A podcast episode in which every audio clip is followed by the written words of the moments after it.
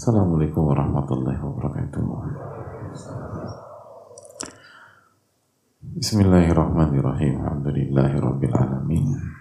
Wa bihi nasta'in ala umuri dunya wad din. Wassalatu wassalamu ala ashrafi anbiya wal mursalin wa ala alihi wa sahbihi wa man sara ala nahjihi bi ihsanin ila yaumidin wa Allahumma salli wa sallim wa barik wa an'im ala nabina Muhammadin wa ala alihi wa sahbihi ajma'in. Hadirin Allah muliakan Alhamdulillah kita panjatkan puji dan puja syukur kita kepada Allah Tabaraka wa Ta'ala atas nikmat yang Allah berikan kepada kita sebagaimana salawat beriring salam semoga senantiasa tercurahkan kepada Rasulullah alaihi salatu wassalam beserta para keluarga, para sahabat dan orang-orang yang istiqomah berjalan di bawah naungan sunnah beliau sampai hari kiamat kelak. Dan semoga Allah berikan kita ilmu nafi dan memberikan kita taufik untuk bisa memahami ilmunya para ulama yang diambil dari Al-Quranul Karim dan Sunnah Nabi Sallallahu Alaihi Wasallam sebagaimana semoga Allah memberikan kekuatan untuk mengamalkan ilmu tersebut. Dan semoga ilmu kita menjadi pendukung kita di dunia dan di akhirat.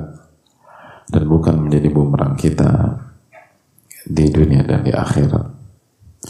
Semoga ini menjadi hujatun lana, hujatan lana wala alaina. Menjadi pendukung kita dan bukan bumerang bagi kita dan hadirin Allah muliakan di awal majelis ini kembali kita ingatkan bahwa ulama kita mengatakan ma'akthara salihin wa ma'aqalla sadiqin. Betapa banyak orang-orang menampakkan kesolehan. Tapi di waktu yang sama betapa sedikitnya orang-orang yang jujur ketika memperlihatkan kesolehan.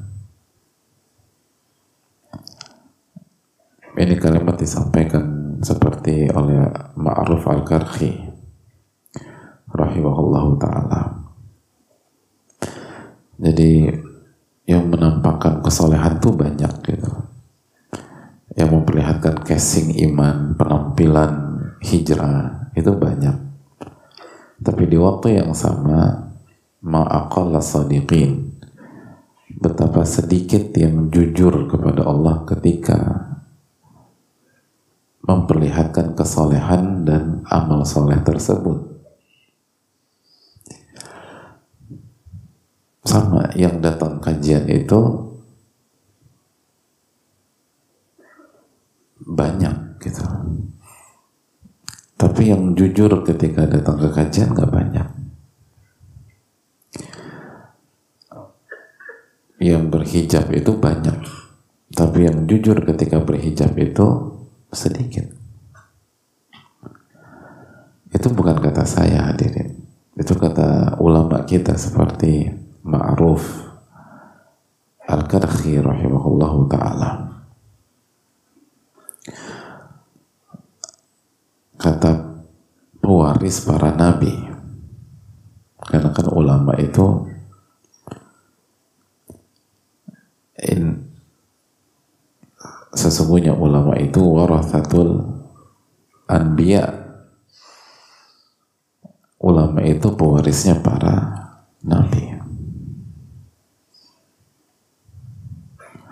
Dan siapa yang meragukan nama besar seperti Ma'ruf al-Karhi? Gelar beliau itu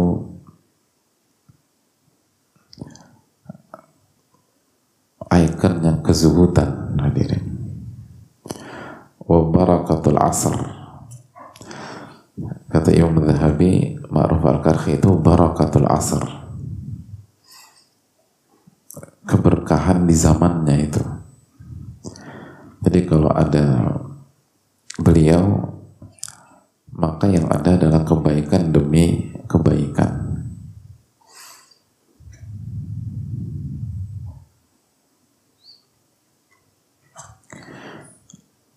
Ada orang yang meremehkan Ma'ruf al-Karhi di hadapan Imam Ahmad. Imam Ahmad bin Hanbal, murid dari Al-Imam Ash-Syafi'i. Kata orang tersebut, qasirul ilm, Ma'ruf al-Karhi itu ilmunya sedikit. Lalu apa kata Imam Ahmad? Amsik, tolong jaga lisan Anda, Imam Ahmad. Satu dari empat imam madhab. Tolong jaga lisan Anda. Wa hal yuradu al ilmi illa ma wasala ilaihi ma'ruf. Wa hal yuradu al ilm illa ma wasala ilaihi ma'ruf. Bukankah yang dicari pada saat kita menuntut ilmu? Bukankah tujuan pada saat kita menuntut ilmu adalah apa yang dimiliki oleh ma'ruf al-karhi jadi tolong jaga lisan. Ma'ruf al-karhi itu telah mendapatkan hakikat ilmu ilmu beliau itu ilmu nafi' Dan itu yang kita cari.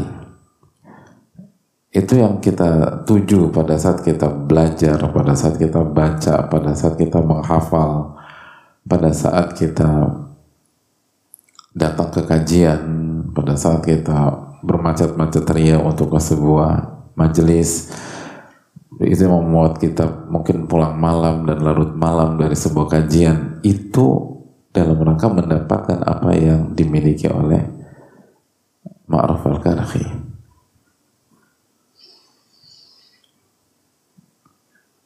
Jadi ini sosok luar biasa dan beliau mengatakan apa?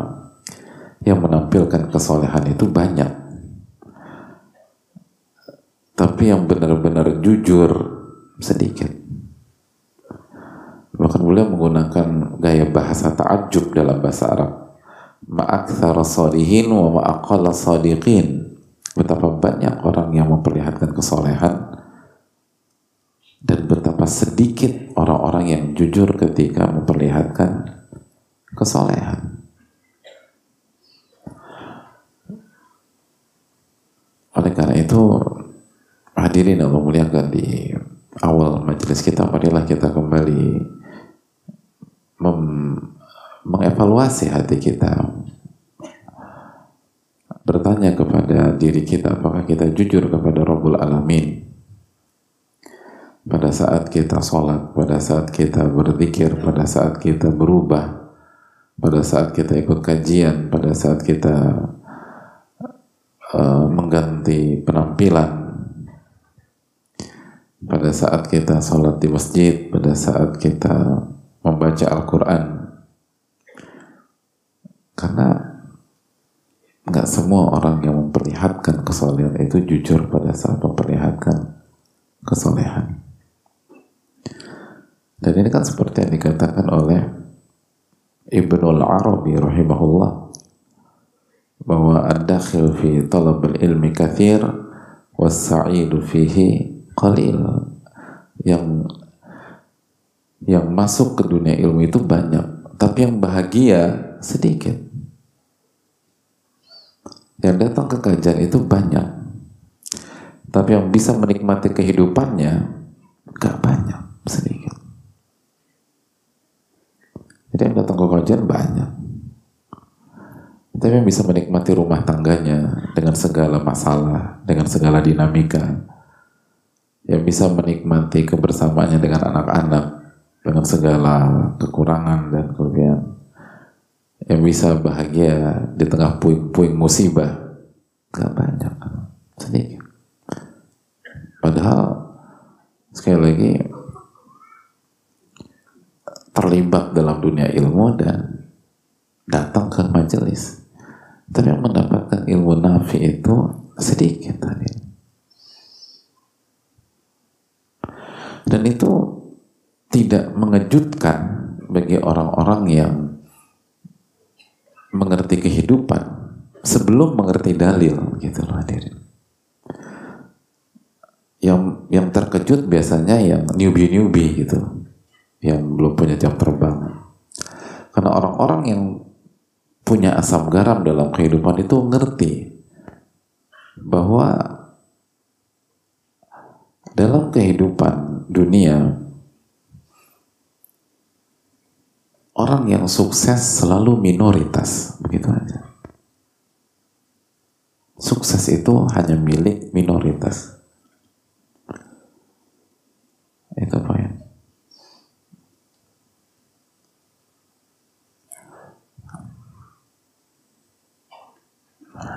Waktu sekolah dulu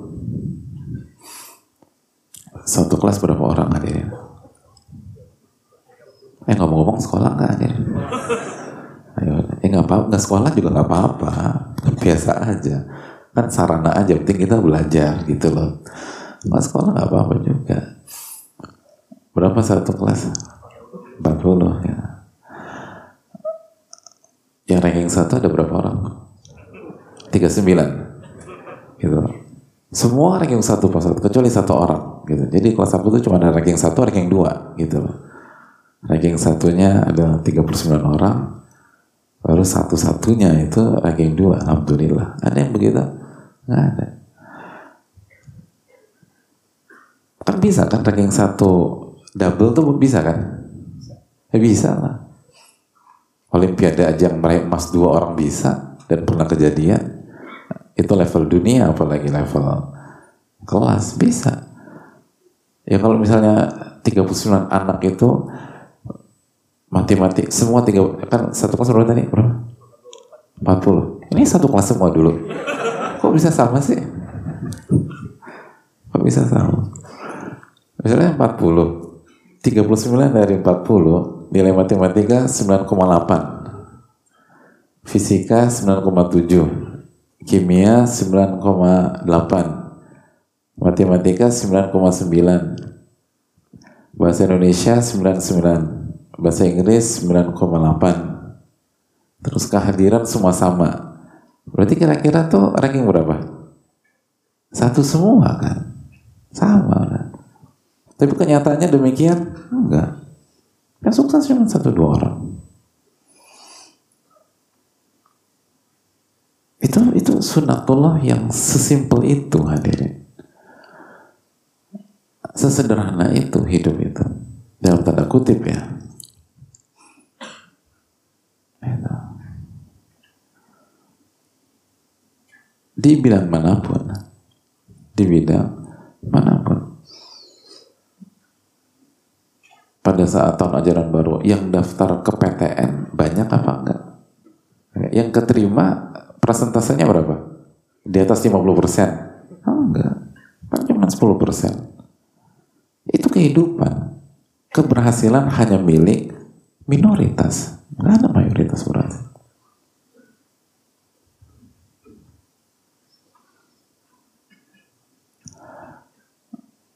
Itu demikian.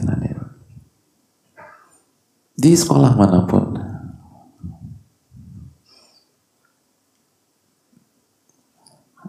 mau kerja di sebuah corporate atau perusahaan besar gitu loh yang daftar seribu orang. Yang keterima paling berapa?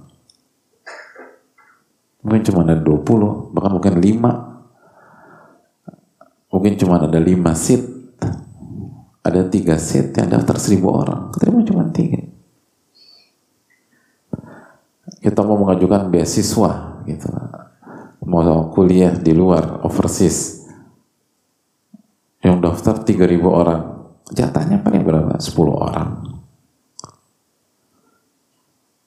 ini sunnatullah. Walan tajid dari sunnatillahi tabdila. Dan anda tidak akan melihat pola itu berubah pola itu begitu. Nah begitu juga dalam masalah ini. Ma'aqalla salihin wa ma'aqalla sadiqin. Betapa banyak yang memperlihatkan kesolehan. Tapi yang benar-benar soleh zahir dan batin gak yang benar-benar jujur dengan Allah Subhanahu wa taala sedikit. Semoga Allah memberikan taufik kepada kita untuk bisa menjadi orang-orang yang jujur kepada Rabbul Alamin. Amin. Ya Rabbul Alamin. Oleh karena itu hadirin Allah mulia, ini yang perlu kita ingatkan lagi. Bahkan itu tadi kata ulama, yang ikut kajian banyak, tapi yang benar-benar bahagia dalam hidupnya gak banyak.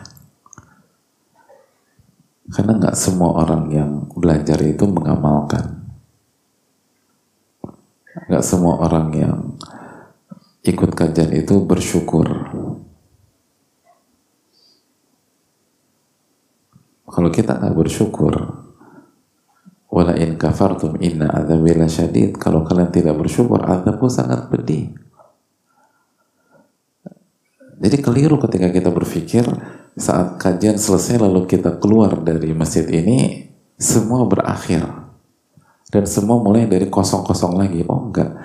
Begitu kita selesai kajian lalu kita keluar, maka ada PR yang bernama bersyukur yang harus kita kerjakan. Dan bersyukur, bersyukur kepada Allah dan bersyukur kepada manusia yang telah memberikan kebaikan buat kita. Nah pertanyaannya berapa persen yang sadar itu? Dan yang sadar berapa persen lagi yang berusaha memperjuangkan itu? Maka ini PR bagi kita. Tapi kalau Allah memberikan taufik dan kemudahannya kepada kita, sebagaimana dikatakan para ulama tadi, kita akan mendapatkan yang dicari oleh semua orang saat hidup, yaitu kebahagiaan, ketenangan, itu yang kita cari. Semoga Allah memberikan taufiknya kepada kita. Amin. Ya Alamin. Hadirin Allah muliakan sebagaimana salawat dan salam semoga senantiasa tercurahkan kepada Rasulullah alaihi salatu wassalam beserta para keluarga, para sahabat dan orang-orang yang istiqomah berjalan di bawah naungan sunnah beliau sampai hari kiamat kelak. Kita kembali bersama Tadkiratus Sami karya Al-Allama Ibnu Jamaah. Sebuah buku yang direkomendasikan oleh banyak para ulama dan dikaji, dibahas dan dijadikan kurikulum di banyak di banyak sekolah, di banyak pondok, di banyak madrasah baik di Indonesia maupun di luar negeri. Dan uh, buku yang mengajarkan tentang bagaimana kita mendapatkan ilmu nafi, ilmu yang bermanfaat. Karena satu-satunya cara mendapatkan ilmu nafi adalah dengan memuliakan ilmu. Dan salah satu cara kita memuliakan ilmu adalah beradab ketika bersama ilmu. Dan inilah buku yang mengajarkan kita hal tersebut. Dan ini sebuah syarat yang tidak bisa ditawar-tawar lagi. Kalau ingin ilmu yang nafi, sebagaimana tadi, kalau ingin bahagia dengan ilmu kita, maka kita harus memuliakan ilmu. Dan salah satu bentuk memuliakan ilmu adalah beradab pada saat kita berinteraksi dengan dengan ilmu, dengan majelis ilmu, dengan ahli ilmu, dan dengan sesama penuntut ilmu, dan di mana pun ilmu itu berada. Mari kita lanjutkan keterangan dari Ibnu Jam'ar rahimahullah taala. Pada tafadhal masykur. Assalamualaikum. Bismillahirrahmanirrahim. Alhamdulillahi rabbil alamin. ثم الصلاة والسلام على أشرف الأنبياء والمرسلين نبينا محمد وعلى آله وأصحابه أجمعين اللهم اغفر لنا ولأستاذنا ولوالديه ولمشايخه وللمسلمين أجمعين. قال الإمام بدر الدين أبو عبد الله محمد بن إبراهيم بن جماعة الكناني الشافعي رحمه الله تعالى. التاسع أن يطهر باطنه وظاهره من الأخلاق الردية ويأمره بالأخلاق الرضية. فمن الأخلاق الردية الغل والحسد والبغي والغضب لغير الله تعالى والغش والكبر والرياء والعجب والسمعة والبخل والخبث والبطر والطمع والفخر والخيلاء والتنافس في الدنيا والمباهاة بها والمداهنة والتزين للناس وحب المدح بما لم يفعل. والعمى عن عيوب النفس والاشتغال عنها بعيوب الخلق والحمية والعصبية لغير الله والرغبة والرهبة لغير الله والغيبة والنميمة والبهتان والكذب والفحش في القول واحتقار الناس ولو كانوا دونه Ya. Bismillah, alhamdulillah, wassalatu wassalamu ala rasulullah Berkata penulis rahimahullah ta'ala yang kesembilan an yutahhira batinahu wa zahira min al-akhlaqir radiyah wa ya'murahu bil akhlaqir radiyah. Eh, penuntut ilmu orang yang ingin mendapatkan ilmu nafi dia harus membersihkan batin dan zahirnya dari akhlak-akhlak yang buruk dan mengisinya dengan akhlak yang mulia.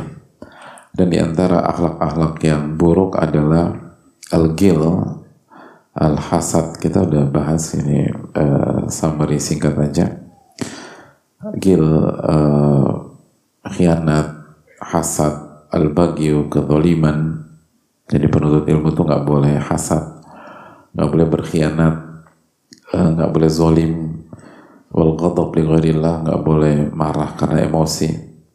Kalau ia marah ia marah karena Allah Subhanahu wa taala. Wal gish nggak boleh nipu orang. Man falaysa minna kata Nabi SAW barang siapa yang curang yang suka nipu maka bukan bagian dari kami. Wal kibar sombong nggak boleh sombong. Wal riya nggak boleh ria nggak boleh beramal untuk dipuji orang. Wal ujub penuntut ilmu itu nggak nggak menganggap keberhasilannya karena effort dan karena dirinya tapi karena taufik dari Allah Subhanahu wa taala. Wa sum'ah dan tidak sum'ah tidak menceritakan agar dipuji oleh orang. Wal bukhl penuntut ilmu itu nggak pelit. Bahkan dia dermawan dia bantu sana dia kasih ini dia kasih itu.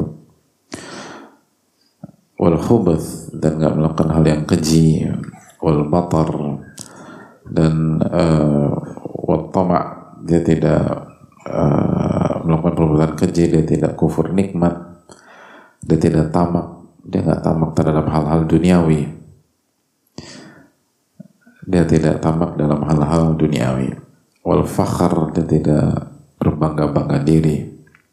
Wal khuyala lagi-lagi dia tidak sombong.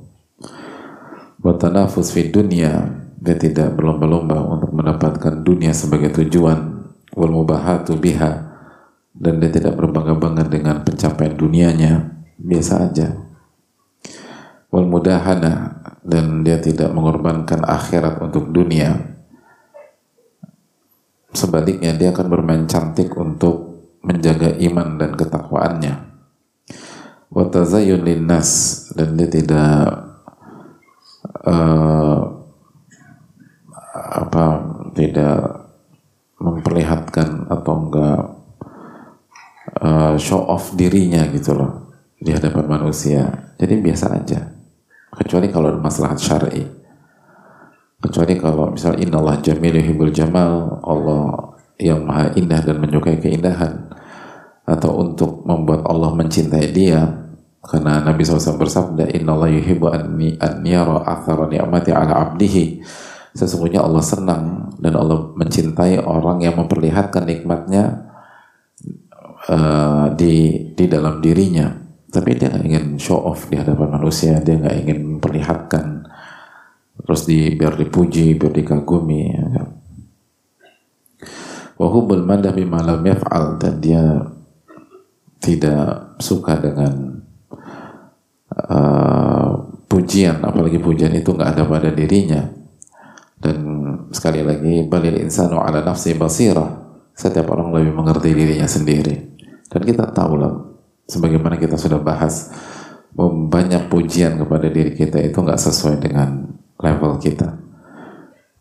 Banyak pujian kepada diri kita itu berlebihan.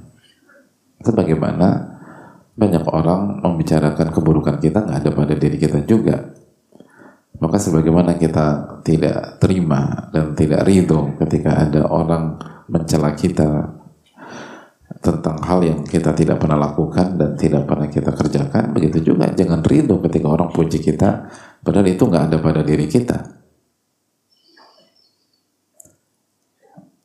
lalu yang akan kita bahas sekarang adalah wal ama an uyubin nafs wal ishtighalu anha bi bil khalq penuntut ilmu itu jangan sampai punya mental buta terhadap aib pribadi dan sibuk ngurusin aib orang sibuk membicarakan aib orang sibuk membahas aib orang sibuk menceritakan dan mendengar cerita-cerita tentang aib orang.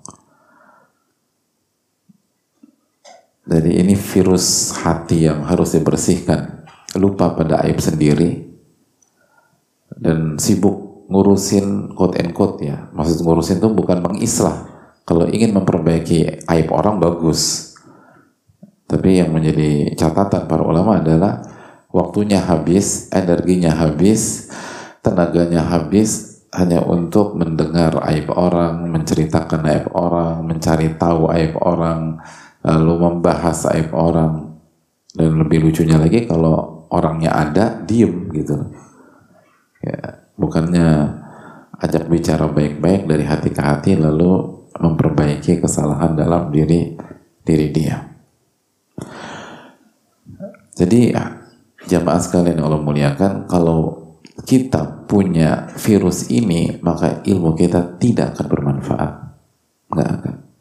Mau hafal Quran kah, mau hafal hadis kah, mau apa udah lama ngaji kah, kalau kita suka membahas aib-aib orang, suka menjelek-jelekan orang karena aib-aibnya, lalu uh, jadi pendengar yang baik ketika ada aib dibicarakan si A begini, si B begini, si C begini, si D begini dan terus pembicaraan. Dan di waktu yang sama akhirnya kita tidak sempat membahas aib kita. Kita tidak sempat muhasabah kekurangan-kekurangan kita. Kita nggak sempat memperbaiki kekurangan-kekurangan kita. Maka jika pola kita seperti ini ketahuilah kita tidak akan dapat ilmu nafi' nggak akan. Nggak akan dapat. Walaupun kita ngerti walaupun kita cerdas walaupun kita jago walaupun kita kenal banyak guru banyak ustadz dan kalau ditanya bisa jawab tapi ilmu kita hanya sebatas maklumat hanya sebatas wawasan hanya sebatas knowledge hanya sebatas hafalan dapat ilmu nafi tidak Enggak. Sebaliknya, syarat agar ilmu kita, ilmu nafi, kita fokus pada aib kita. Dan tidak tertarik membahas aib orang. Kecuali kalau itu tanggung jawab kita dan kita bisa memperbaiki.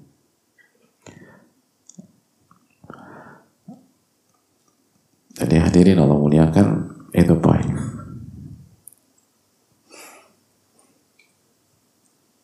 Dan ulama mengatakan uh, beberapa hal yang perlu kita renungkan di antara kata para ulama bahwa orang yang sibuk dengan sibuk ngurusin quote and quote ya terminologi negatif jadi sibuk ngurusin, yang sibuk ngebahas aib orang, ngurusin aib orang, terus uh, membicarakan aib orang, sehingga dia tidak sempat membahas, mengevaluasi dan memperbaiki aibnya sendiri. Itu jangankan punya ilmu nafik. Kata para ulama, orang kayak gini nggak punya akal katanya. Bukan nggak punya ilmu nafik, nggak punya akal Kata para ulama, al-mar'u in kana aqilan wari'an ashghalahu an uyubi ghairihi wara'i. Kamal alilu saqimu ashghalahu an waj'in nasi kullihim waja'uhu.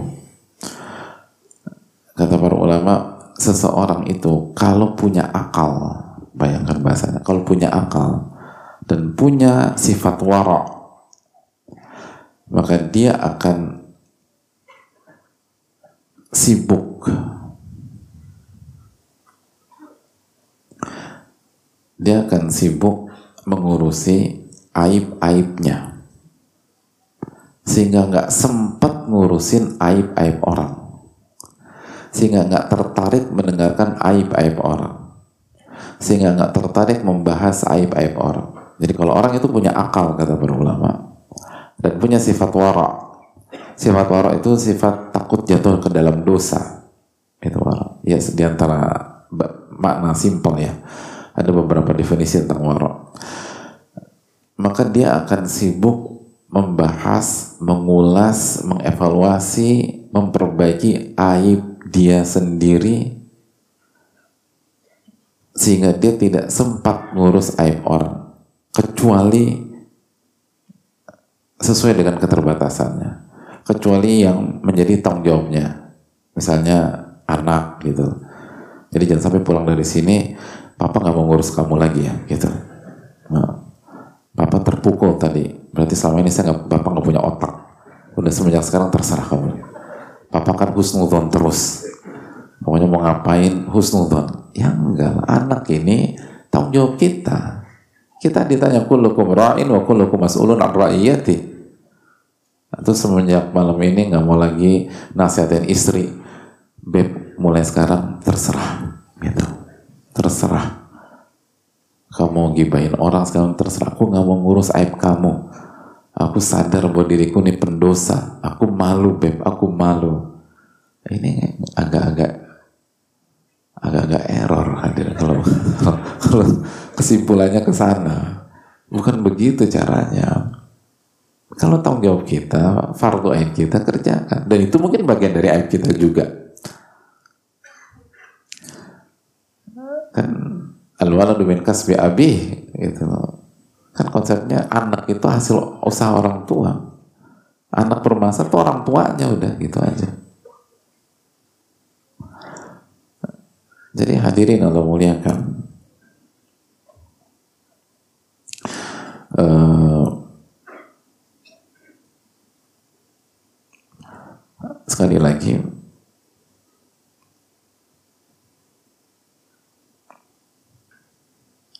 Kalau seseorang itu punya akal dan punya sifat wara, dia akan sibuk ngurusin aibnya dan tidak tertarik mengurusi aib orang lain. Dan analoginya menarik. Kamal alilu saqimu ashkulahu an wajhin nasi kullihim wajuhu. Sebagaimana orang yang sakit secara fisik akan sibuk dan menghabiskan waktunya untuk mengobati dirinya sehingga nggak sempat ngurusin orang. Gitu.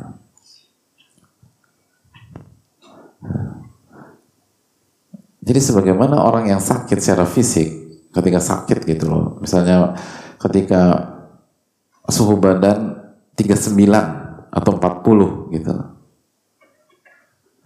ketika vertigo pernah ngalamin vertigo nggak dia? Semoga lo jaga ya. Vertigo tuh udah ini banget lah. Itu masih sempat ngurusin orang? Nggak sempat kata orang. Dia kan sibuk ngurusin pengobatan dirinya sendiri.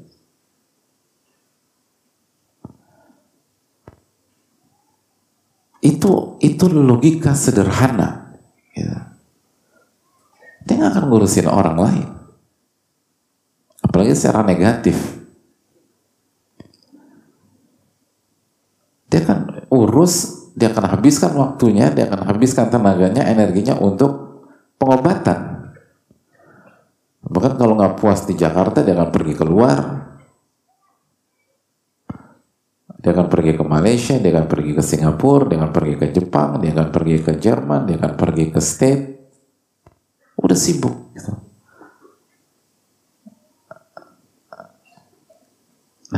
Aib-aib kita, dosa-dosa kita, maksiat-maksiat kita, itu dampaknya lebih parah daripada penyakit fisik kita. Makanya ulama mengatakan, kalau penyakit fisik aja, itu akan membuat Anda fokus ngurusin diri Anda, dan nggak sibuk ngurusin orang lain secara negatif, secara negatif ya. Kok bisa? Kita sibuk ngurusin aib orang, ngejelek-jelekin orang, nyinyirin orang. Padahal di waktu yang sama Anda punya penyakit-penyakit hati, Anda punya PR-PR jiwa, Anda punya maksiat-maksiat yang harusnya Anda urus pada saat itu. Itu poin.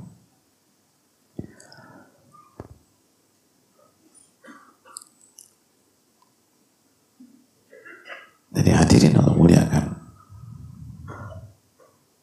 Makanya kata Allah nggak punya akal.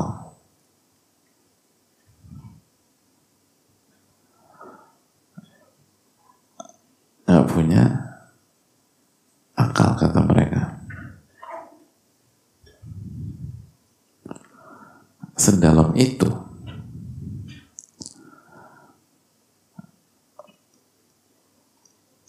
Makanya kan Nabi kita SAW mengatakan apa? Dalam hadis Abu Hurairah, yubsiru ahadukum al-qadha fi aini akhi wa yansal jid'a fi ainihi. Salah seorang dari kalian itu bisa melihat debu di mata saudaranya kotoran kotoran mata gitu di mata saudaranya tapi lupa gitu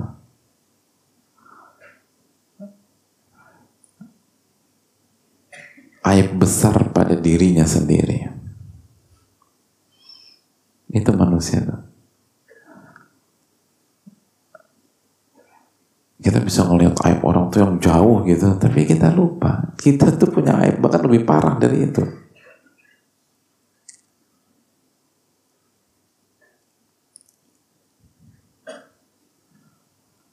Itu yang harus kita camkan.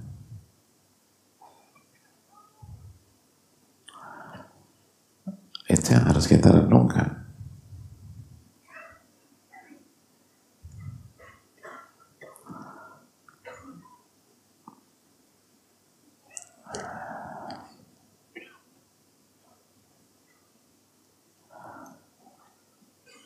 Jadi itu sikap yang menunjukkan nggak punya akal sehat kata para ulama. Makanya para di antaranya keterangan dari dan Imam Ibnu Hibban rahimahullah taala al wajib alal akil lihat banyak bahasa ulama ya wajib bagi orang yang punya akal bayangkan. Jadi kita nggak usah bicara tentang kewalian dulu deh ketakwaan punya akal dulu kata para ulama. Wajib bagi orang yang punya akal. Luzumus salamah fokus menyelamatkan dirinya sendiri dulu. Bitarkil tajassusi an uyubin nas. Dengan cara tidak mencari-cari aib manusia. Nggak mencari tahu kesalahan orang. Nggak mencari tahu aib orang. Mashtighali bi islahi uyubin nafsihi. Dan sibuk. Atau di waktu yang bersamaan dia nggak cari tahu dia nggak suka tajasus dia nggak coba cari-cari tahu atau dengar segala macam tentang aib orang. Dan di waktu yang sama dia sibuk memperbaiki aib-aibnya sendiri. Fa inna man ishtaghala bi uyubihi an uyubi ghairihi araha badana lam yat'ab qalbuhu. Karena orang yang sibuk dengan aib-aibnya jadi hidup waktunya tuh habis untuk ngurusin aib-aib pribadi, mengevaluasi, introspeksi diri, muhasabah, lalu diperbaiki satu demi satu. Maka dia akan membuat badannya nyaman. Dan akan membuat hatinya tuh nggak capek.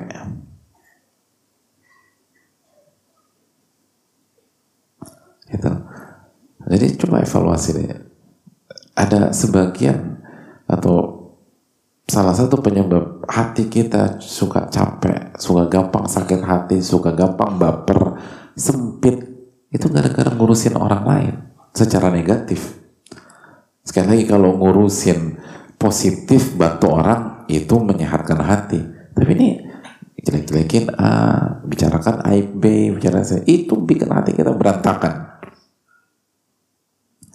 Fakullama tala ala aibin li hana alaihi ma yara mithlahu an aibi akhi. Maka setiap kita fokus memperbaiki aib-aib kita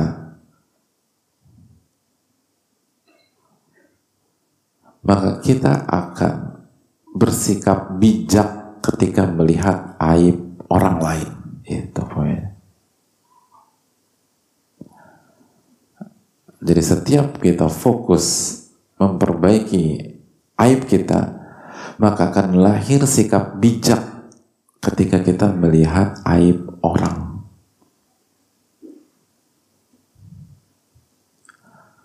Makanya kalau ada madhab kompor ketika ada teman kita jatuh dalam kesalahan keliru itu menunjukkan dia tidak fokus memperbaiki aibnya itu aja kata saya bukan kata Imam Ibn Hibban.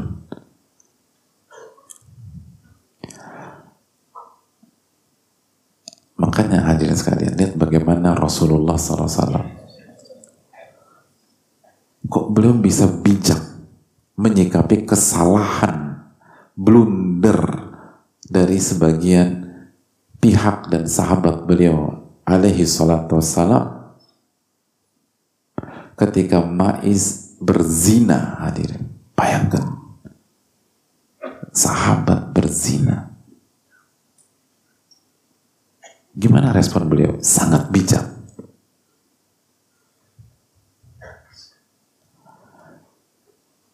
Bahkan bu, gimana?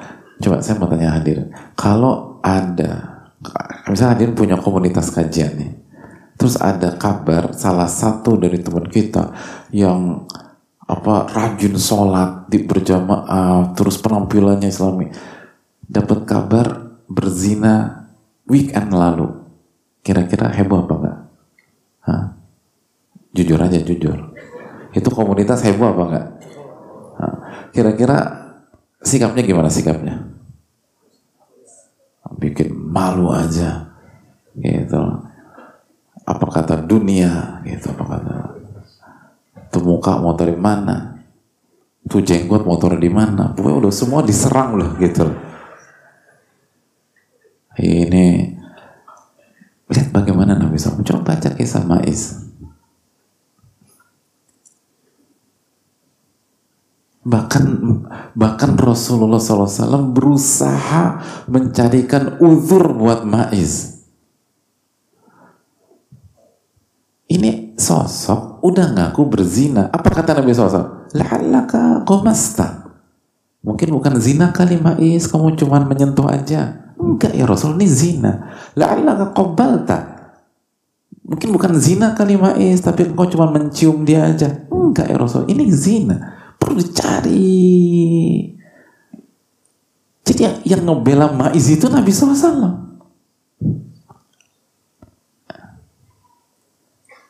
Padahal yang melakukannya udah ngaku. Kalau kita kan kebalik tuh. Yang melakukan nggak ngaku, terus kita sidang. Antum ngaku. Ittaqillah. Gitu.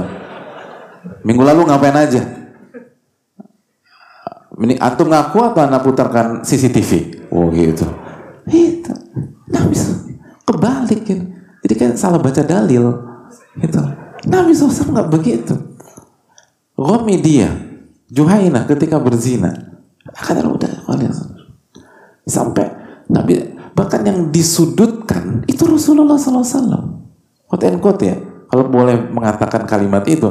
Yang dipojokkan Nabi SAW. Komedia dan Joy mengatakan, saya hamil ya Rasul. Alaihi Udah nggak bisa, nggak bisa berkelit lagi. Kebalik jadinya hadirin. Kalau kita kan yang nyecer gitu. Udah lo ngaku aja deh. Gitu. Apa perlu tes Gitu Nah, kita cek hamil apa enggak. Ini enggak. Kebalik. Nabi SAW nggak mau. Udah tobat aja sama Allah Subhanahu Wa Taala. Lihat bagaimana Nabi SAW menutup aib orang. Padahal ini bu, Nabi SAW nggak ngorek-ngorek. Ini sosoknya datang dan menyampaikan kesalahan fatalnya. Nabi SAW berusaha ini nggak usah. Dalam riwayat Ma'is datang Nabi SAW buang muka gitu. Bukan Nabi SAW benci dengan Ma'is enggak. Tapi udah tutup aja udah. Taubat selesai masalah. Itu Rasul kita Sallallahu Wasallam. Dan coba kita bandingkan dengan gaya kita sekarang pada hari ini. Kayaknya seneng kalau dengar teman melakukan kesalahan atau ini melakukan kesalahan. Kayak seru gitu loh, dapat pembicaraan. Apalagi kalau nama-nama yang punya pengaruh dan seterusnya jadi bahan pembicaraan. Apakah Nabi kita ada satu demikian hadirin? Katanya ahlu sunnah. Katanya mengikuti Rasulullah Sallallahu Alaihi Wasallam. Kenapa? Karena inilah ajaran beliau untuk fokus pada aib sendiri. Makanya ini kaidah. Kalau kita ingin punya sikap bijak, melihat ketika melihat kesalahan orang, fokus pada aib kita sendiri. Kita akan bijak. Tapi ketika kita lupa kepada aib kita, oh kita akan tampil seakan-akan kita orang suci hadir di depan masyarakat. Langsung nyerang sana, jatuhkan itu, bikin malu aja. Gitu. Bagi bagi aneh nih aib kayak begitu. Aneh nggak mungkin melakukan itu, nggak mungkin hadirin. Oh, anda jangan sampai diuji dengan ucapan anda.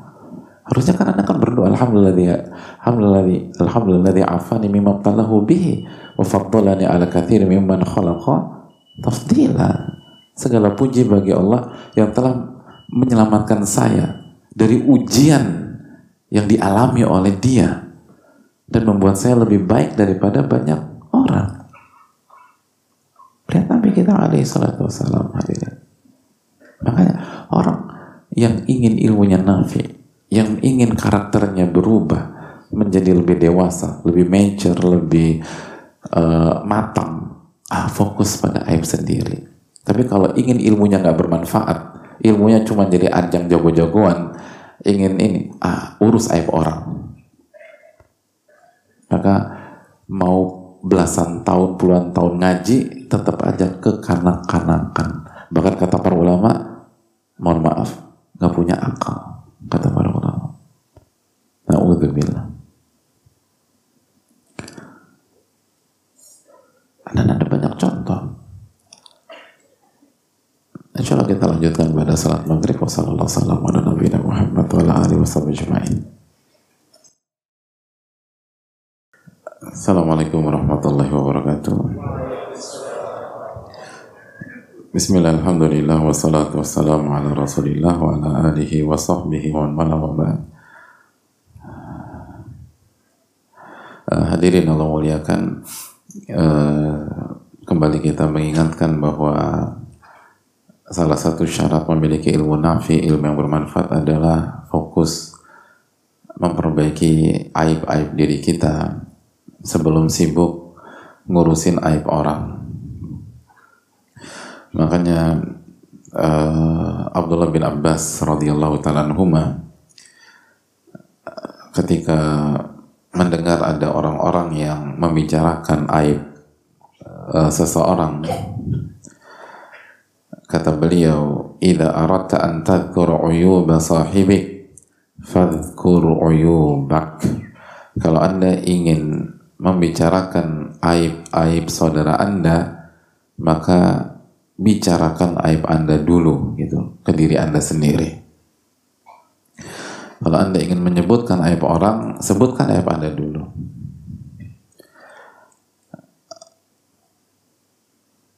Jadi hadirin Allah muliakan. Kenapa demikian? Karena itu itu yang bermanfaat.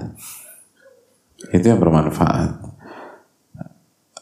Makanya tadi kita bahas keterangan Al-Imam Ibn Hibban bahwa barang siapa yang fokus mem, uh, mengevaluasi aibnya dan memperbaiki aibnya, maka dia akan bijak ketika melihat aib seseorang atau aib orang lain. Ingat, bukan membenarkan. Yang salah tetap salah, aib tetap aib. Tapi ada ada kedewasaan di sana, ada kematangan di sana, ada kebijakan di sana, ada kematangan di sana. Bukan sebaliknya. Dan itulah yang dicontohkan oleh Nabi kita SAW ketika uh, menyikapi kesalahan-kesalahan para kesalahan-kesalahan para sahabat radhiyallahu taala atau sebagian para sahabat yang lebih tepat lihat bagaimana Nabi SAW menyikapi uh, kesalahan bahkan aib maiz dan beliau quote and quote terdesak gitu loh.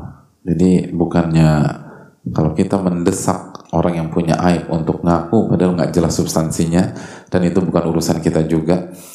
Dan terkadang itu sebuah kesalahan secara syar'i. Tapi ada pun dalam kasus Nabi SAW justru yang melakukan yang mendesak Nabi SAW untuk menghukum beliau. Jadi Ma'is itu ngedesak Nabi SAW untuk menghukum beliau bayangkan. Mendesak untuk dihukum gitulah bahkan dalam uh, riwayat itu uh, kan dalam riwayat kan uh, Arab Nabi SAW itu berpaling. Kan itu tadi udah tutup aja aibmu gitulah bukan membenarkan udah tobat sendiri aja lah. Nggak usah nggak usah datang ke saya dan seterusnya. Sampai dalam riwayat empat kali gitu. Jadi data ditolak. Maju lagi ditolak lagi maju lagi ditolak lagi maju lagi. Maka mau tidak mau dihukum. Jadi empat kali gitu. Bayangkan empat kali, bukan kebuka ya. Ini maju gitu dan menyampaikan maju ditolak, maju ditolak, maju ditolak sama Nabi SAW. Gitu. Adapun sebagian kita bukan maju, itu berangkas aibnya digembok bisa kita tembus tuh gitu, bayangin. Saking luar biasanya kita dalam menghack aib orang. Ya, udah ditutup tuh pakai baja berlapis-lapis quote and quote. Itu bisa tuh ditembus. Nabi SAW nggak senang dengan hal demikian. Gak suka Nabi kita SAW. Makanya matang. Dan ketika Hatib melakukan blunder, berusaha membocorkan atau memberitahukan kedatangan Nabi SAW di kota Mekah ke dalam Fatu Mekah, dengan kepolosan beliau atau tidak ada maksud tapi itu kan kesalahan dan fatal dan Umar marah besar yang belain Ma'is dari amarah Umar eh, eh maafkan Ma'is Hatib dari amarah Umar siapa? Rasulullah SAW ketika Umar ingin uh, apa ingin uh, bereaksi kata Nabi SAW jangan ya Umar beliau Allah Badar Alul Badar nggak yang munafik. Bayangkan dibela sama Nabi SAW. Padahal konsekuensi dari kesalahan hati itu nyawa Nabi SAW bisa bisa bisa dipertaruhkan, sangat terancam. Belum bisa luka-luka, belum bisa diincar dan seterusnya. Tapi yang membela hatib siapa? Rasulullah SAW. Kenapa demikian? Karena Nabi SAW mensunahkan kepada kita untuk fokus pada aib kita sendiri, maka otomatis ketika kita melihat saudara kita melakukan kesalahan, kita akan jauh lebih dewasa. Kita akan jauh lebih dewasa. Itu itu luar biasa hadirin sekalian. Kenapa kita apa namanya uh, sering kali berlebihan terhadap aib orang, kesalahan orang, dan nggak usah jauh-jauh lah Misalnya kesalahan istri kita, kesalahan pasangan kita. Kenapa kita dengan memudah kasih udur pada diri kita sendiri ketika kita melakukan kesalahan sebagai suami atau sebagai istri, kita bisa nyerang habis-habisan pasangan kita ketika dia salah. Ya itu kan itu tadi. Karena kita nggak punya waktu untuk ngurus aib diri kita sendiri. Itu poinnya. Akhirnya kita kekanak-kanakan. Dan nanti kita akan jelaskan sedikit. Dan kita nggak dewasa. Jadi jangankan dewasa sama tetangga, jangankan dewasa sama teman-teman kerja, jangankan dewasa dengan uh, apa dengan uh, di dunia sosial media, oh sama istri kita kita nggak dewasa, sama suami kita kita nggak dewasa. Itu hal yang perlu kita tahu kan. Lihat ketika sebab apa namanya ketika uh, Nabi kita SAW dan para sahabat gagal memenangkan uh, Ghazwatul Uhud karena uh, kesalahan yang dilakukan oleh pasukan pemanah? Apakah beliau ngamuk-ngamuk di kota Madinah setelah selesai setelah selesai hari tersebut? Dan beliau terluka apa enggak jemaah? Terluka. Terluka. Gigi geraham pecah, lalu wajah terluka. Ngamuk-ngamuk gitu. Dikumpulin tuh semua tuh. Terus marah-marah Ini gara-gara ente-ente semua nih. Lihat nih muka gue nih. Kan nggak begitu Nabi kita SAW. Kan demikian. Bahkan beliau bahkan turun ayat dan lu sampaikan ayat tersebut nggak disembunyiin. Di antaranya turun surat Ali Imran ayat 140. Iyam saskum qarhun faqad massa al-qauma qarhun mithluh Wa tilkal ayyamu nudawiluha bainan nas. Allahu akbar.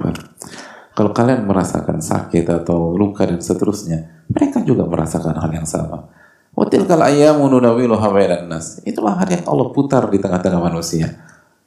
Jadi kalian kalah hari ini, kalah itu biasa kata Allah. Allahu akbar. Bayangkan. Justru para sahabat dihibur oleh Allah dan Rasulnya SAW. Dihibur. Kan syok lah, kalah Sedangkan kita bersama Rasulullah SAW, kok bisa kalah segala macam. Dan itu, ah, mohon maaf, kita gagal menang. Lebih tepatnya gagal menang ya. Pembahasan itu agak panjang. Tapi bahasa yang lebih tepat, kita gagal menang. Kok bisa? Allah mengatakan, Watil kalau ayamu nudawiluha bainan nas. Biasa. Hidup tuh ada kala, ada saatnya menang, ada saatnya kalah.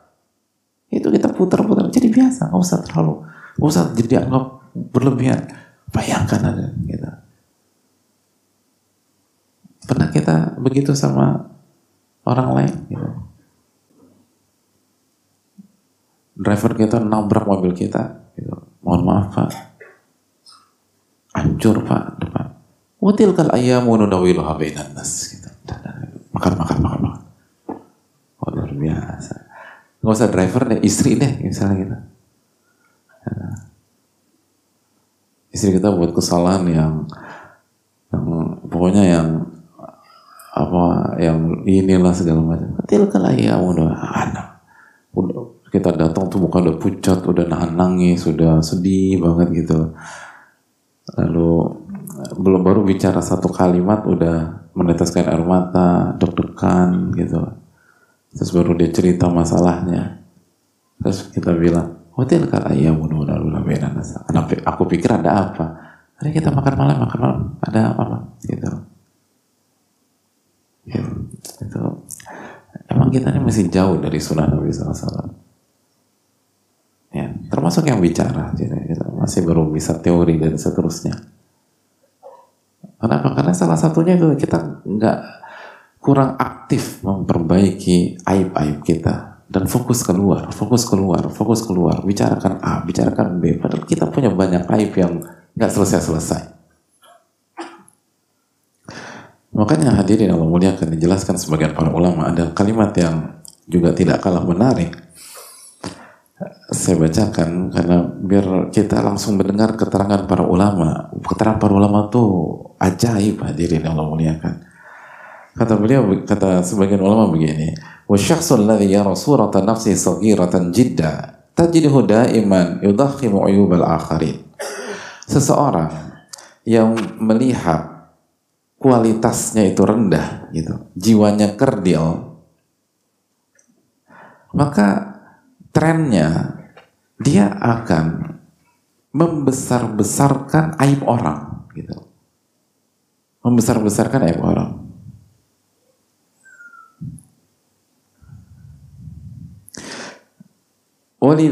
ولهذا تبرز شخصية الإنسان من خلال نصيبه من هذه القضية Makanya kalau Anda ingin melihat kualitas seseorang, lihat bagaimana dia menyikapi aib orang lain. Kalau dia membesar-besarkan aib orang, gitu, dan heboh sendiri, nyerang sana nyerang sini, itu menunjukkan jiwa yang kerdil. Itu,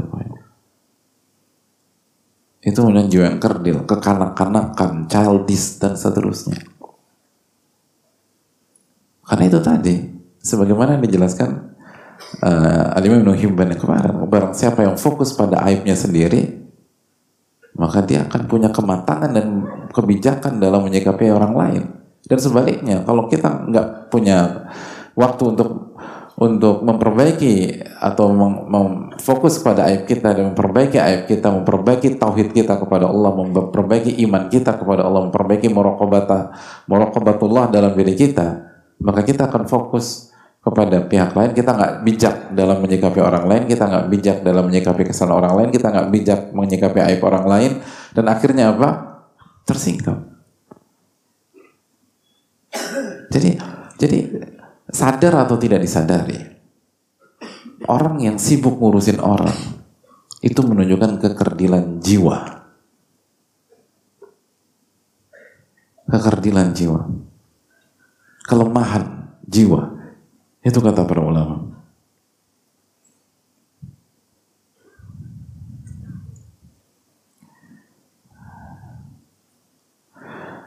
فإذا عرف بأنه مشغول بتضخيم عيوب الآخرين وطعن في الناس فهذه مرآة تعكس أنه يشعر بضعالة نفسه بحقارتها وأن حجم نفسه صغير Para ulama kita mengatakan dan apabila ada seseorang dikenal yang yang hari-harinya waktunya sibuk gitu loh. Ngebahas aib orang, menjelek-jelekan aib orang, uh, menyinyirin orang, dan memperbesar membesar-besarkan masalah membesar-besarkan aib. Lihat Nabi SAW ketika Ma'is melapor berzina Nabi berusaha palingkan la'allaka gomasta. Mungkin hanya nyentuh aja kali Ma'is. Enggak ya Rasul saya ini zina la'allaka qobalta mungkin cium kali gitu loh gitu. Kan jauh banget antara apa zina dengan hanya sekedar megang gitu loh. Tapi berusaha dikecilkan gitu.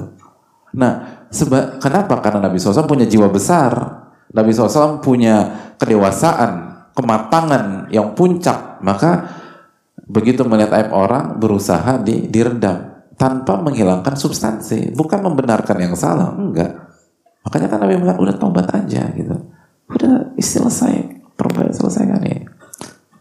Nah sebaliknya, sekali lagi, orang yang dikenal memperbesar masalah lalu dijatuhkan sebenarnya sebenarnya ini masalah oke dia salah dia itu aib dia anda kan bisa selesaikan dalam waktu 2 menit, 3 menit, 5 menit atau Anda bisa selesaikan empat mata tapi ini dibuka, dipermalukan, diangkat segala macam. Kata para ulama itu menunjukkan bagaimana kekerdilan jiwa orang tersebut gitu. Itu cermin.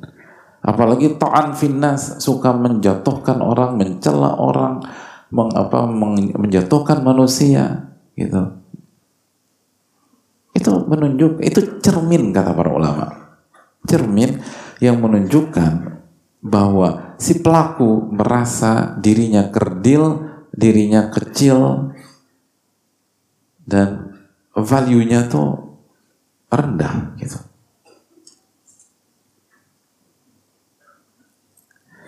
Li'annahu yan'aqidu annahu lan la yanfatiha illa ala anqadil akharin. Kenapa? Karena ini sebenarnya akar masalahnya tuh dari apa sih teman jamaah sekalian? Akar masalahnya dari pembahasan kita beberapa waktu yang lalu. Masih ingat? Jelas tidak, karena terlalu global gitu. Yang mana yang gitu? Kan saya bilang, kecuali kalau saya bilang minggu lalu, langsung cepat, atau dua minggu yang lalu. Tapi pembahasan kita yang lalu. Yang lalu ini kan kajian dari tahun 2017 yang, yang mana ya? bahwa tabiat manusia itu menginginkan apa? Hah? Manzila. Tabiat manusia itu ingin kedudukan. Dan kedudukan jangan apa bukan apa lebih luas daripada politik dan seterusnya enggak. Kedudukan di masyarakat, kedudukan di RT, kedudukan di RW, kedudukan di rumah tangga, kedudukan di keluarga besar dan seterusnya. Nah, ketika seseorang jiwanya kerdil, tapi di waktu yang bersamaan dia ingin mendapatkan kedudukan, maka cara berpikirnya pendek dan dia berpikir cara untuk mendapatkan kedudukan adalah dengan mengangkat dan memblow up aib orang lain gitu loh. Jadi kan rendah nih gitu loh. Gimana biar tinggi? Dia merasa nggak mampu untuk untuk untuk mengangkat dirinya tuh nggak mampu. Ya udah buat orang lain lebih rendah dari dia gitu. Jadi akhirnya dia yang terlihat paling tinggi. Bukan karena dia paling tinggi, tapi orang lain tuh direndah-rendahin semua gitu loh. Karena dia nggak mampu dengan prestasi, dia nggak mampu dengan iman, dia nggak mampu dengan ilmu nafi. Kalau dia punya jiwa besar, maka untuk mengangkat diri adalah ilmu nafi yarfa'illahu alladhina amanu minkum walladhina utul ilma darajat Allah akan mengangkat derajat orang-orang yang beriman dan berilmu beberapa derajat jadi kalau dia dia punya value dia punya uh, jiwa besar dia punya pandangan yang tajam dan luas maka dia tahu kalau dia ingin mendapat uh, kalau dia ingin kedudukan maka raihlah dengan cara yang diridhoi oleh Allah Subhanahu wa taala dan cara yang diridhoi oleh Allah Subhanahu wa taala adalah dengan iman dan ilmu nafi, ilmu yang bermanfaat. Tapi ketika jiwa itu kerdil, jiwa itu rendah, jiwa itu buruk, jiwa itu uh, apa namanya kekanak-kanakan, maka dia nggak berpikir demikian. Dia berpikir untuk punya kedudukan orang lain harus terlihat lebih rendah, lebih buruk daripada dia, gitu sehingga dijatuhinlah itu orang-orang. Gitu. Dan begitu ada kesempatan untuk menjatuhkan ketika didengar ada aib ada kekurangan dan seterusnya itu dijadikan momentum bagi dia. Gitu hadirin. Itu kerangka berpikir ilmiahnya dikatakan para ulama. Gitu. Dalam para ulama kita ya. Dan itu benar cuma kita renungkan. Intinya kan ingin cari kedudukan di masyarakat, ingin diakui dan semuanya. Kalau orang nggak tertarik itu semua, mana dia ke sana? Makanya di situlah pentingnya keikhlasan, di situlah pentingnya tauhid hadirin, di situlah pentingnya la ilaha illallah. Jadi ketika kenapa doa para nabi itu tauhid, tauhid, tauhid agar kita tuh aman dari drama-drama rendah seperti ini. Karena orang yang ikhlas nggak tertarik lagi dipuji orang, nggak tertarik lagi kedudukan dunia, nggak tertarik lagi ini. Akhirnya dia nggak punya kepentingan untuk menjatuhkan orang, ngebahas aib orang dan seterusnya. Dia fokus dia adalah bagaimana saya selamat di dunia dan akhirat. Itu poinnya. Dia nggak khawatir itu. Dia nggak khawatir rizkinya tertukar. Dia yakin bahwa Allah Ar-Razzaq dan cara mendapatkan rezeki adalah dengan bertakwa kepada Allah dan ikhtiar dengan cara yang halal. Dan kalau Allah ridho semuanya nggak akan berkah. Itu yang ngejagain kita itu. Dan itu harus dimiliki oleh penuntut ilmu dari awal mereka belajar makanya konsep ini kan diajarkan sebelum penuntut ilmu belajar berbagai macam bab ilmu anda harus yakin dulu dengan ini. Anda harus hargai orang. Bayangkan, bayangin kalau kita semua belajar dengan urutannya para ulama. Berarti begitu kita masuk ke dunia ilmu, di antara pelajaran dan pendidikan ulama kepada kita adalah respect sama orang. Jangan buka aib orang. Fokus pada diri sendiri. Perbaiki aib sendiri. Lihat bagaimana kekuatan jiwa nanti dan keberkahan di masyarakat. Nah ketika ilmu itu dipelajari loncat-loncat dan nggak mengikuti alurnya para ulama, ya sering kali yang terjadi tidak sebagaimana yang diharapkan. Gitu. Fokus pada aib orang, ngejelek-jelekin orang dan sebagainya. Padahal, padahal kita sendiri masih punya aib yang banyak. Makanya itu kata Ibnu Abbas, mulai dengan menyebut aib diri sendiri. Makanya kata sebagian para ulama,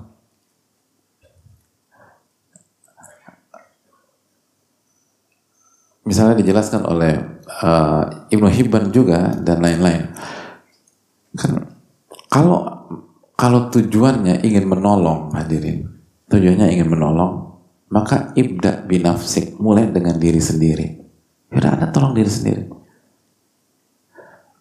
Bahkan kalau tujuannya ingin menyerang, gitu, Anda ingin menyerang, Kata Imam Ibnu Hibban apa? Kalau Anda kalau Anda anggap masyarakat itu musuh. Kalau Anda anggap masyarakat ini uh, ini nggak letter lock ya, gitu loh. Nanti saya bacakan redaksi letter locknya atau literarinya. Uh, tapi intinya gini, kalau Anda menganggap uh, dia itu musuh Anda atau masyarakat itu musuh Anda, manusia itu musuh Anda, atau yang berbeda dengan anda itu musuh anda yang harus anda jatuhkan dan aibnya harus anda ung apa disebarkan maka ah ini saya bacakan fabda bil aduil akrab anil aduil ab, abad maka mulailah dari musuh yang paling dekat sebelum ngurusin musuh yang paling jauh atau mulailah dengan musuh paling dekat. Jadi kalau anda anggap itu musuh semua, gitu loh. Lau salam najadalan kalau dalam ilmu usul fikih, anda anggap kenapa sih anda anda sebutkan aib fulan, kenapa anda sebutkan aib fulan, kenapa anda sebutkan aib tetangga anda atau aib ini atau aib majelis taklim lain atau segala macam. Berarti kan anda nggak suka sama mereka dong, gitu loh. Kalau anda meyakini mereka saudara anda, anda nggak akan lakukan itu. Berarti anda anggap mungkin nggak diucapkan dengan lisan, tetapi praktek Anda itu kayak musuh. Benar nggak sih hadirin? Iya kan? Kalau benar-benar kita kayak ini, dia saudara kita, masyarakat tuh saudara kita gitu. Ya, masyarakat tuh saudara kita segala macam. Kenapa Anda buka aib mereka? Itu bukan itu bukan sikap seseorang dengan saudaranya. Itu bukan sikap seseorang dengan sahabatnya. Itu bukan sikap seseorang dengan pihak yang dicintai. Itu lebih cocok atau lebih dekat pada sikap seseorang pada apa? Musuhnya. Benar nggak sih ini? Udah pada makan malam belum? Paham? Cara berpikirnya ulama paham ya? Oke. Okay. Kalau Anda anggap mereka musuh, ya udah kata para ulama. Mulailah dengan musuh yang paling dekat. Sebelum ngurusin musuh yang jauh. Siapa? Fanafsukan lati baina janbaik hiyal adul awal awal akrab itu nafsumu di dalam dirimu itu, itu musuhmu yang paling dekat dan musuhmu yang pertama kali Anda harus hadapi. Fajtahid bimujahadatiha awwala. Maka kalau mau ribut, ribut dulu sama hawa nafsumu. Urus aib-aibmu. Makanya Nabi SAW mengatakan, Al-mujahid menjahada nafsahu fi ta'atillah. Seorang mujahid, orang yang berjihad, adalah orang yang berjihad melawan nafsunya agar tetap on track di atas ketaatan kepada Allah Subhanahu wa taala. Jadi kalau Anda anggap mereka musuh, ya udah urus urus diri Anda dulu gitu loh. Tapi antum jangan tanya lagi. Jadi kalau udah urus diri saya, boleh dong nyerang orang? Gak akan selesai hadirin. Serius. Kalau kita menggunakan proses ini, tidak akan selesai dan semakin kita urus haid kita sebagaimana kata kita akan semakin matang kita akan semakin dewasa kita akan semakin uh, beriman dan bertakwa dan otomatis sikap kita menjadi uh, bijak dalam kehidupan kita wah ini luar biasa nih. jadi jadi kalau kalau dari anda itu maksudnya nolong Urus diri Anda dulu, tolong diri Anda. Kalau itu anggap musuh, ini dalam diri Anda itu ada musuh. Lihat bagaimana apa apa, apa malaka fikir, malaka uh, tafkir, kemampuan atau paradigma berfikirnya para ulama. Sangat logis gitu. Ngapain ngurusin musuh yang, oke anggap aja dia musuh. Ya udah urus diri Anda dulu. Dan itu nggak selesai-selesai. Jadi kita biarkan musuh di dalam diri kita, nafsu kita sendiri dan Allah katakan inna nafsa la ammaratun bisu sesungguhnya nafsu Anda senantiasa mengajak Anda kepada keburukan. Anda biarkan nafsu Anda membuat Anda masuk neraka, lalu Anda nyerang yang lain itu sebuah kebodohan. Makanya kata para ulama, kalau punya akal kata mereka, nggak usah bicara iman dulu. Kalau punya akal, Anda akan urus aib Anda sebelum urus aib orang. Itu hal yang perlu kita jamkan bersama. Udah bisa. Udah. Allah. Insya Allah kita buka, kita lanjutkan sedikit dan buka sisi tanya di pertemuan akan datang. Tapi ini penting hadirin ini, makanya pentingnya kita belajar dan bagaimana ilmu agama itu kebutuhan dan terapkan mulai dari diri kita gitu. Mulai, mulai bercermin tentang aib kita sebelum melihat aib pasangan. Lalu mulai mengaudit aib kita sebelum komplain kepada orang tua gitu. Sebelum marah-marah sama mertua, sebelum nyalain anak-anak. Kalau kita bisa menerapkan cara berpikir ini dan konsep para ulama ini lalu selalu minta pertolongan kepada Allah Taala maka kita akan bermain di level yang berbeda. Dan itulah orang-orang yang beriman. Gitu. Orang-orang yang beriman. Dan kita akan mendapatkan ilmu nafi, ilmu yang bermanfaat. Bukan hanya maklumat secara teori. Jazakallah khairan, semoga Allah kasih kita ilmu nafi dan menjauhkan kita dari ilmu yang tidak bermanfaat dan semoga ilmu kita membuat kita semakin takut kepada Allah Subhanahu wa taala dan semakin sadar betapa banyaknya aib-aib kita dan semoga Allah ampuni aib-aib kita dan aib-aib uh, umat uh, secara umum dan semoga Allah Subhanahu wa taala memberikan kita husnul khatimah dan memberikan kebahagiaan dunia dan akhirat. Amin ya rabbal alamin. Subhanakallahumma hamdika asyhadu an la ilaha illa anta astaghfiruka wa atubu ilaik. Assalamualaikum warahmatullahi wabarakatuh. Syukur. Berbagi pangan dibalas hidangan surga. Siapa saja di antara orang mukmin yang memberi makan mukmin yang lapar, maka Allah Ta'ala akan memberinya makan dari buah-buahan surga. Hadis riwayat Tirmizi. Kerabat atau saudara terdekat kita ada yang membutuhkan pangan? Sahabat, jadikan ini kesempatan kita untuk meraih ridhonya dan mendapatkan balasan surga. Kita insya Allah juga bisa berbagi pangan ke saudara-saudara lainnya yang membutuhkan melalui program Sedekah Pangan. Insya Allah, dana yang terkumpul akan disalurkan dalam bentuk sembako dan makanan siap santap kepada saudara di Jabodetabek serta kota-kota lain.